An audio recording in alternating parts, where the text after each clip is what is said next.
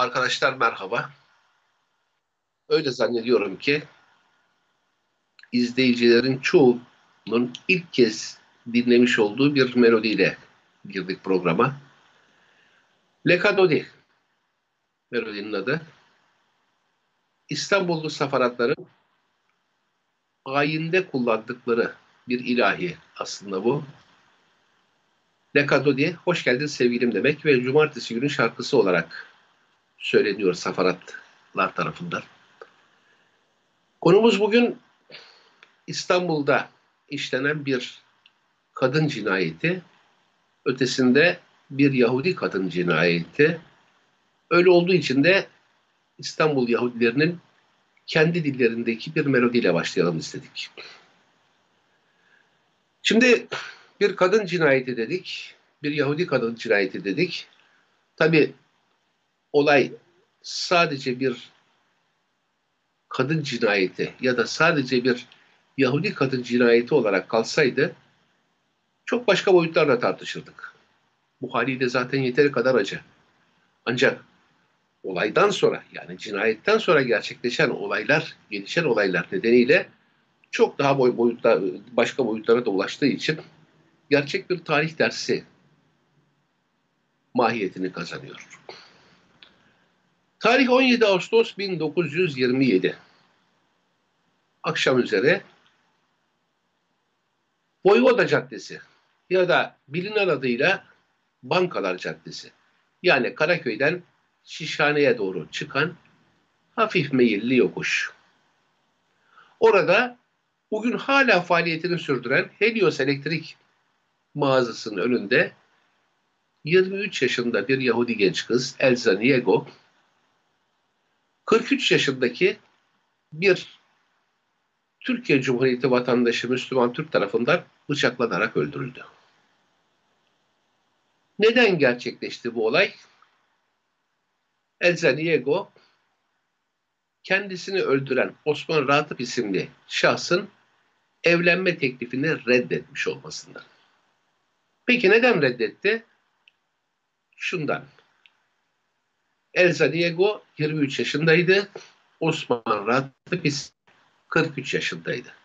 43 yaşında olmasının ötesinde 43 yaşının olmasının ötesinde torun sahibiydi. Peki neye güveniyordu bu torun sahibi ihtiyar adam? Bu genç kıza evlilik teklif ederken ailesine güveniyordu. Ailesinde kimler vardı? Babası bir zamanlar e, Osmanlı'da valilik yapmış bir şahıs. Kendisi ise Abdülhamit döneminde Abdülhamit'in emir subaylığı yapmış birisiydi. Dolayısıyla aile hatırlı, Cumhuriyet döneminde bile hatırlı yani. Kendisi de bundan istifadeyle istediğini yapabileceğini zannediyor. Tabii ki Elzaniego reddediyor bu teklifi. Reddetmekinin üzerine Osman Ratıp taleplerini giderek arttırıyor ve kızı kaçırmaya kalkıyor. Bunun üzerine aile şikayet ediyor. Osman Ratıp önce cezaevine konuluyor. Malum hukuk sistemi. Herkes kanunlar önünde eşittir ama bazıları biraz daha eşittir işte. Osman Ratıp da o biraz daha eşit olanların arasında olduğu için bu bir genç kızı hürriyetinden alıkoyma suçunun karşılığında sadece ve sadece bir ay cezaevinde kalıp dışarı çıkıyor. Ondan sonra ne oluyor? Tekrardan e, taleplerine devam edip kızı tehditlere e, devam ediyor. Bunun üzerine Elza'nın ailesi ne yapıp edip bir an önce kızcağızı çevrelerinden bir Yahudi gençle evlendirmek üzere harekete geçiyorlar ve bir nişan tertipleniyor. Nişandan sonra Osman ta, e, Ratıp taleplerinden vazgeçmiyor. Ve bir gün yanında kız kardeşi Reşin, Uzine Raşel ile birlikte iş yerinden çıkıp evine doğru gitmekteyken tam da biraz önce söylediğim gibi bugün hala faaliyette bulunan Helios Elektrik adlı mağazanın önünde Osman Rahat'ı tekrardan kızı çeviriyor. Kendisine gel ile gelmesini istiyor. reddedince de bıçaklayarak öldürüyor. Bu arada kızı ölümden kurtarmak isteyen kardeşi Raşel'i de yaralıyor. İşin ilginç tarafı o çevre özellikle o zamanlar Yahudi ailelerin yoğun olduğu yerler e, şeyin e, Bankalar Caddesi'nin Voyvoda Caddesi'nin hemen sağ tarafı yani şeye Galata Kulesi'ne doğru olan yönündeki bütün mahallelerde Yahudiler oturuyor ve Elza'nın evi de orada. Haber eve yıldırım gibi düşüyor. Eve yıldırım gibi düşen bu haberden sonra kızın annesi geliyor evladının başına cesedin üzerine örtmek gibi insani bir talepte bulunuyor. Hani alacaklar, morga götürecekler de o saate kadar hiç değilse cesedin üzerine örtüsün. Buna izin verilmiyor. Üç saat boyunca kızın cesedi açıkta üzere örtülmeden bekleniyor. Daha sonra kaldırıyorlar. Ertesi gün ertesi gün cenaze töreni yapılacak. Ve işte cenaze töreninin yapıldığı anda olaylar çok değişik bir boyut alıyor. Neden değişik boyut alıyor? Bunun bir arka planı var. Arka planında şunlar görüyoruz. Birincisi Lozan'dan sonra Türkiye Cumhuriyeti hükümeti Lozan'ın 38 ila 45. maddeleri yani o 7-8 madde içerisinde azınlıklara vermiş olduğu haklardan azınlıkların feragat etmesi için baskılar yapmaktadır. Cumhuriyet kurulduğundan beri. Birincisi bu. İkincisi savaş, Birinci Büyük Dünya Savaşı sonrasında özellikle Doğu Avrupa ülkelerinde Yahudi pogromları yakla, yay, e, yaygınlaşmış. E, Yahudi karşıtı politikalar ve düşünceler Türkiye Cumhuriyeti'nin içerisine girmiş ve e, halkın arasında bir Yahudi düşmanlığı belirmeye başlamış. Üçüncüsü de Türkiye Cumhuriyeti zaten Türkleştirme politikaları çerçevesinde bütün azınlıklar üzerine çok ciddi bir baskı uygulamakta. Bu baskının Yahudiler özelindeki bir boyutu var. O baskının Yahudiler özelindeki boyutu da şu. Kimlerin izlediğini şu anda bilemiyorum tabi. Ama eğer izleyenler arasında 50 yaş üstünde olanlar ve bu 50 yaş üstünde olup da en az 30-35 yıldır da İstanbul'da oturanlar varsa korkak Yahudi lafını çok iyi duymuşlardır. Yahudileri korkaklıkla suçlardı İstanbul'da sıradan insanlar. Çünkü devletin yaymış olduğu politikanın propagandanın bir ürünüydü. Korkak Yahudi. Neden bunu söyledim? Şundan söyledim. Yıllarca korkak Yahudi laflarıyla duymaktan gerilmiş olan Yahudi cemaati Elzaniego'nun cenazesini bir gösteri halinde çevirdi. Ve gösteride ilk bağırdıkları slogan korkak Türkler oldu. Korkak Türkler. Kesinlikle dört yıldan beri, Cumhuriyet'in kuruluşundan beri kendilerine yönelik olarak e, yapılmış olan korkak Yahudi propagandasının bir patlamasıydı bu. Onun dışında ne dediler? Adalet istiyoruz dediler. Korkak Yahudi, adalet istiyoruz ve Elzaniego'nun cenazesi, tabutu beyaz gelinlik üzerindeki koyulmuştu. Üzeri güllerle kaplıydı. Buraya dikkatinizi çekmek istiyorum. Yol boyunca yani o Bankalar Caddesi boyunca yürüyerek giden kortejin üzerindeki tabut kaldırımda bulunan halk tarafından da çiçek yağmuruna tutuluyordu. Yani El Seniego cinayetini İstanbul halkı ya da İstanbullular kabullenmemişlerdi. Yoldan geçen araçlar korteje yol veriyorlar. Kortej ilerliyordu. Herhangi bir sıkıntı yoktu başlangıçta. Ancak bir tramvay bu düzeni bozdu. Tramvayın aslında o e, şehir esnasında e, seyir esnası halindeki e, korteji saygı gösterip durması, kortej geçtikten sonra yol devam etmesi gerekiyordu.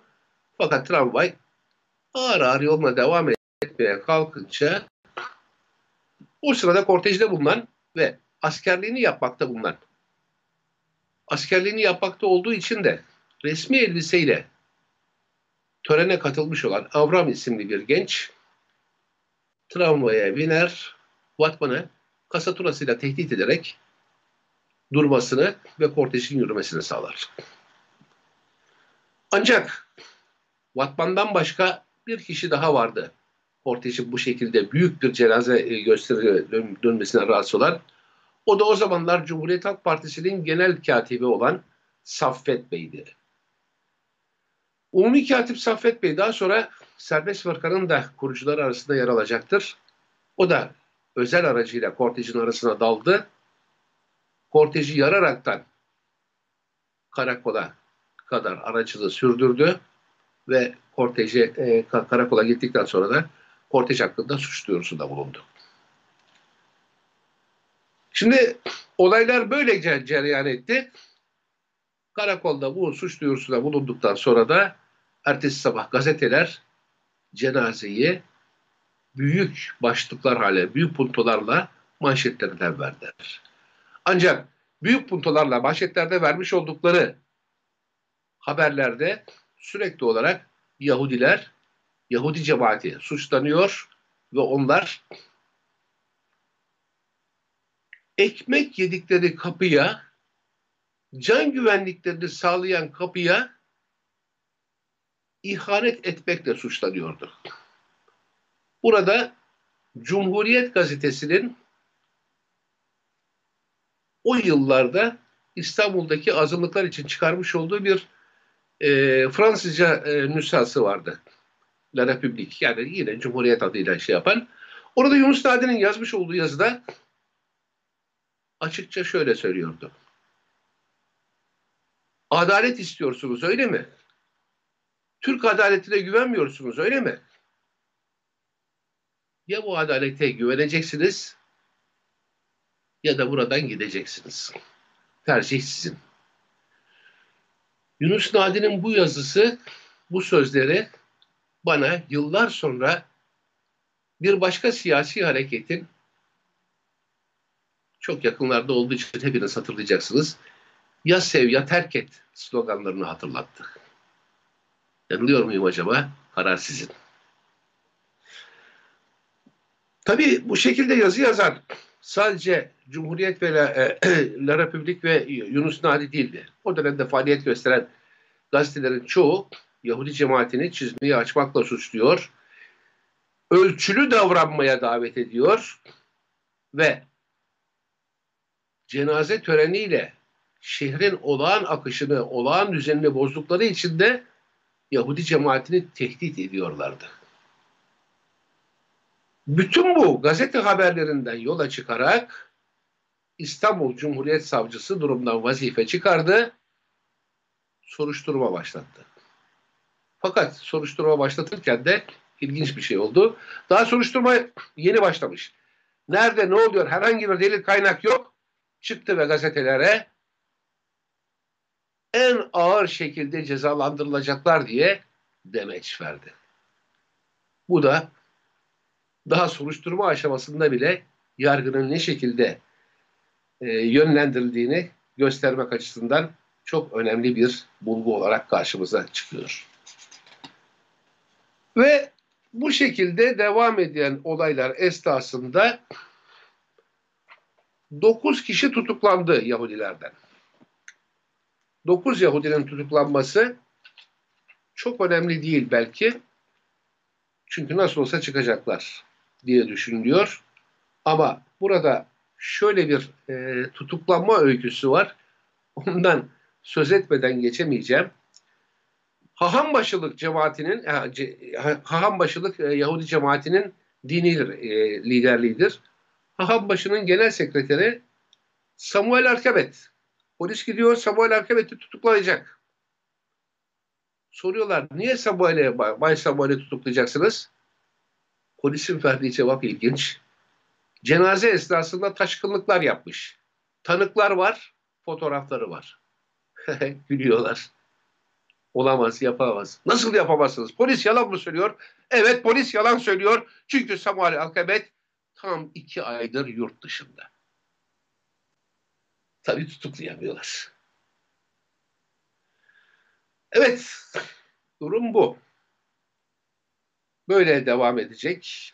Bu arada Cumhuriyet Gazetesi yazmaya devam ediyor. Cumhuriyet Gazetesi yazıları halkta da etkisini göstermeye başlanıyor. O, o yıllarda Edirne'de de Yahudi, Edirne'de Yahudiler oturmakta ve hatta Avrupa'nın en büyük sinagoglarından birisi zaten Edirne'dedir hala. Edirne'de Yahudilerin evleri taşlanıyor. Olaylar İzmir'e sıçıyor. İzmir'de Yahudi Hastanesi'nin kapısındaki İbranice bir yazıt sökülüyor. Bir gösteri düzenleniyor. de haham başılığının ve Yahudi cemaatine ait tüm kurumların kapatılması talep ediliyor. Kimin tarafından? Türk Ocakları tarafından. Dikkatinizi çekmek istiyorum. Bu Türk Ocakları daha sonra 6-7 Eylül, Eylül olaylarında başrolü oynayan Kıbrıs Türk Cemiyeti'nin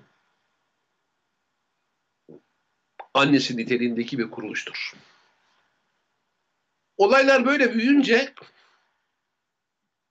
Yahudiler ne yapacağız diye düşünürken devlet gerekli önlemleri alıyor. Böyle bir durumda devletin alması gereken önlem nedir? Son derece basit. Yahudi cemaatinin korunması değil mi? Yahudi cemaati ne yapıyor? Bunu beklerken Ankara'dan haber geliyor. Yahudilere seyahat yasağı getiriliyor. Yahudilere seyahat yasağı getiriliyor. Yapılan iş aslına bakarsanız daha önce yap olmuştundur bilmiyorum ama benim tespitlerime göre Türkiye Cumhuriyeti'nin Lozan'ı ilk ihlallerinden birisidir. Lozan'ın 38. maddesi burada ihlal edilmiştir. Daha sonra pek çok ihlal oldu ama bu ilklerden birisi işte. Ve bu arada daha da ilginç bir şey var. Seyahat nedeniyle İstanbul'da bulunan İstanbul dışında bulunan Yahudilerin de İstanbul'a girişlerine izin verilmiyor. Ne yapacaklarını şaşırmış insanlar. Neye uğramışlar, uğradıklarını şaşırıyorlar. Bir süre sonra bu yasak birazcık hafifletiliyor. Nasıl hafifletiliyor? İstanbul dışında İstanul'da ikamet edip de İstanbul dışına seyahat nedeniyle çıkmış olanların İstanbul'a girmelerine izin veriliyor. İstanbul'daki Yahudilerin iş nedeniyle İstanbul dışına çıkmalarına izin veriliyor fakat bunu seyahat belgesine bağlıyorlar. Seyahat belgesini almak için de binlerce formalite var ve formalitelerin hiçbirisi tamamlanamadığı gibi tamamlayabilenler de seyahat için yeterli ve gerekli sebepler oluşmadığı için seyahat talepleri reddediliyor. Yahudi cemaati bu durumda. Tabi böyle yaşanmaz. Ne yapacaklar? Ha bu arada bir şey daha var. Bay Jacques Pardo. Jacques Pardo da İsmet İnönü'nün Fransızca hocası. İnönü'ye bir mektup yazıyor. Diyor ki ya Yahudi cemaati zor durumda. Yanlış işler oluyor. Bu arada tutuklu insanlar var. Bu tutuklu insanlar da haksız yere tutuklular. Duruma lütfen müdahale ediniz. Bu mektup İnönü'nün eline ulaşmıyor. Özel kalemde bulunuyor. Özel kalemden hemen hukuka müdahale ettiği için Jacques Pardo'yu apar topar gözaltına alıyorlar. Neden sonra İnönü'nün haberi olduğunda duruma müdahale edip Jacques Pardo'nun çıkmasına sağlayabiliyor. Bütün bunlar olurken tabii ki Yahudi cemaati ne yapacağını bilemez durumda. Cemaat temsilcilerinden bir grup kalkıyor, Ankara'ya gidiyor ve İsmet İnönü ve Kazım Karabekir'le bir görüşme talep ediyorlar. Bu görüşme talepleri kabul ediliyor. Görüşme talepleri kabul ediliyor. Uzun uzun görüşüyorlar. Görüşme sonrasında gerek İsmet İnönü'nden gerekse Kazım Karabekir'den şöyle demeçler çıkıyor. birkaç kendini bilmezin meydana getirmiş olduğu menfur olaylar koskoca bir cemaate mal edilemez. Bu lafı çok duyduk. Demek ki ta o zamanlardan başlamış böyle şeyler. Şimdi hemen arkasından olan demek ki e, hükümet doğruyu görmüş ve Yahudilere koruma kararını almış ya da bu olaylarda suçsuz olduğunu düşünmüş falan diye diyorsanız yanılıyorsunuz. İşin arka planında bir pazarlık var. Yahudilere uygulanan o baskının kaldırılması ve kaldırılmasa bile en azından gevşetilebilmesi için bir pazarlık yapılıyor. O pazarlık da şu, 50 bin lira bağış yapacak hükümete, Yahudi cemaati. Ama merak etmeyin kimsenin cebine girmiyor o 50 bin lira. Ne oluyor? Ankara'yı bilirsiniz. Ankara'daki zafer anıtı, anıtını bilirsiniz. Bu anıtın yapılmasına harcanacakmış. Dolayısıyla Ankara'daki zafer anıtı aslında Yahudi cemaatinin vermiş olduğu 50 bin lirayla tamamlanan bir anıttır. İstanbul'daki e, Cumhuriyet Anıtı'nın da bir gün öyküsünü anlatırım. O da halktan to toplanan paralarla yapılmıştır. Her neyse ve Yahudi cemaatine bir de şu söyleniyor. İki gün içinde bu parayı toplayıp getirin. Demek ki bir partiye ya da partinin ilişkide bulunduğu örgütlenmelere bağış yapılması geleneği ta Cumhuriyet'in o yıllarından beri varmış. Bugün tabii gemi arzıya almış vaziyette devam ediyor. O ayrı bir şey. Şimdi efendim Yahudi cemaati ne yapacağız diye toparlanıyorlar. Hemen İstanbul'a geliniyor. Haham başılık devreye giriliyor, giriyor.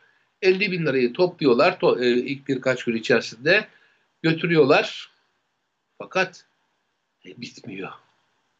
Bitmiyor bu sefer İzmir Emniyet Müdürü makam arabası istiyor. Ve hani Yahudilere birazcık baskı yapıp rüşvet almak ya da bağış almak adet haline gelmiş olduğu bir dönem yaşıyor. Ki bu arada hala içeride tutuklular var. Bu durum üzerine Avrupa'daki Yahudi bankerler Türkiye'yi kusura bakmayın size kredi veremeyeceğiz diye tehdit edince hemen duruşma yapılıyor. Önce Yahudiler serbest bırakılıyor. İkinci duruşmada hepsi beraat ediyorlar. Şeyi e, Vatman'ı kasaturasıyla tehdit eden Avram da dahil olmak üzere hepsi beraat ediyorlar. Ve ortalık yavaş yavaş normale dönüyor. Şimdi ortalığın normale dönmesiyle birlikte neler oluyor? Onlara bir bakacağız. Yahudi cemaati tekrardan bir sessizliğin içerisine gömülüyor. Bu son derece normal. Fakat hükümet Yahudilere karşı olan tepkisini ileride tekrardan ortaya koymak üzere sadece donduruyor. Ne zaman ortaya koyacaktır? 1934 yılında Trakya olaylarında Trakya'da e, gerçekleştirdiği pogrom, Podgom'da ortaya koyacaktır. O Yahudilere yönelik olarak e, gerçekleştirilen yer değiştirme ve sürgün hadiseleri var. Bunlar konumuz dışı bugünlük en azından. O yüzden onlardan bahsetmeyeceğim. Fakat Cumhuriyet'in Türkleştirme politikalarının bir aracı olarak kullanılan bir cenazeydi bugün anlatmak istediğim. Sanıyorum cemaate e, yeterli tehditler korku salındığı için Yahudi cemaati o, o günden sonra uzunca bir süre sessizliğini e, koruyor. Ama bu sessizliğin bedeli ne oluyor? 1927 yılında Türkiye'de 85 ila 90 bin Yahudi yaşardı. Bugün en fazla 20 bin Yahudi var. Demek ki yavaş yavaş memleketten çekip gitmişler. Kendilerine yeni bir hayat, yeni bir vatan, yeni bir yaşam aramak zorunda kalmışlar. Ve 500 yıl yaşadıkları bu ülkeden acı bir şekilde uzaklaştırmanın hüznünü yaşadıklarını düşünüyorum. Efendim bu hafta için söyleyeceklerim bu kadar. Tabi bütün bu olaylara konu olan zavallı Elzaniego hemen onu da söyleyeyim. Arnavutköy Yahudi mezarlığında yatar ve mezar taşında burada Elzaniego yat yatmaktadır. Son derece genç, son derece güzel bir hanım kızcağızdı. Rahat uyusun tarzında, tadında Fransızca bir kitabı vardır başında. Peki Osman Ratıp'a ne oldu diyecek olursanız valla Osman Ratıp tabi bütün bu olaylara sebep olan kişi olarak eli kolu e, serbestçe dolaşamazdı. Ama hapse atmayı da göze alamadılar herhalde ki ne yaptılar? Onu da akıl sağlığı yerinde değildir diye akıl hastanesine kapattılar. Akıl hastanesine kapatılan Osman Ratip 10 yıl burada yaşadı. 10 yıl sonra da bir başka akıl hastanesi sakini tarafından bıçaklanarak öldürüldü. Bir adalet mi tecelli, tecelli etti? Onu artık kararı sizlere ait. Benim söyleyeceklerim bu kadar. Birazdan bir başka Ladino melodiyle baş başa bırakacağım size. Bu arada hemen bir bilgi vereyim. Hatay'dan beni izleyenler olduğunu duydum. Onlara bir selam gönderiyorum. Önümüzdeki hafta Musa Dağı'nda 40 gün ve Hatay'daki Ermeniler olaylarını bu sohbetimde paylaşacağımı söylüyorum. Hepinize iyi hafta sonları efendim.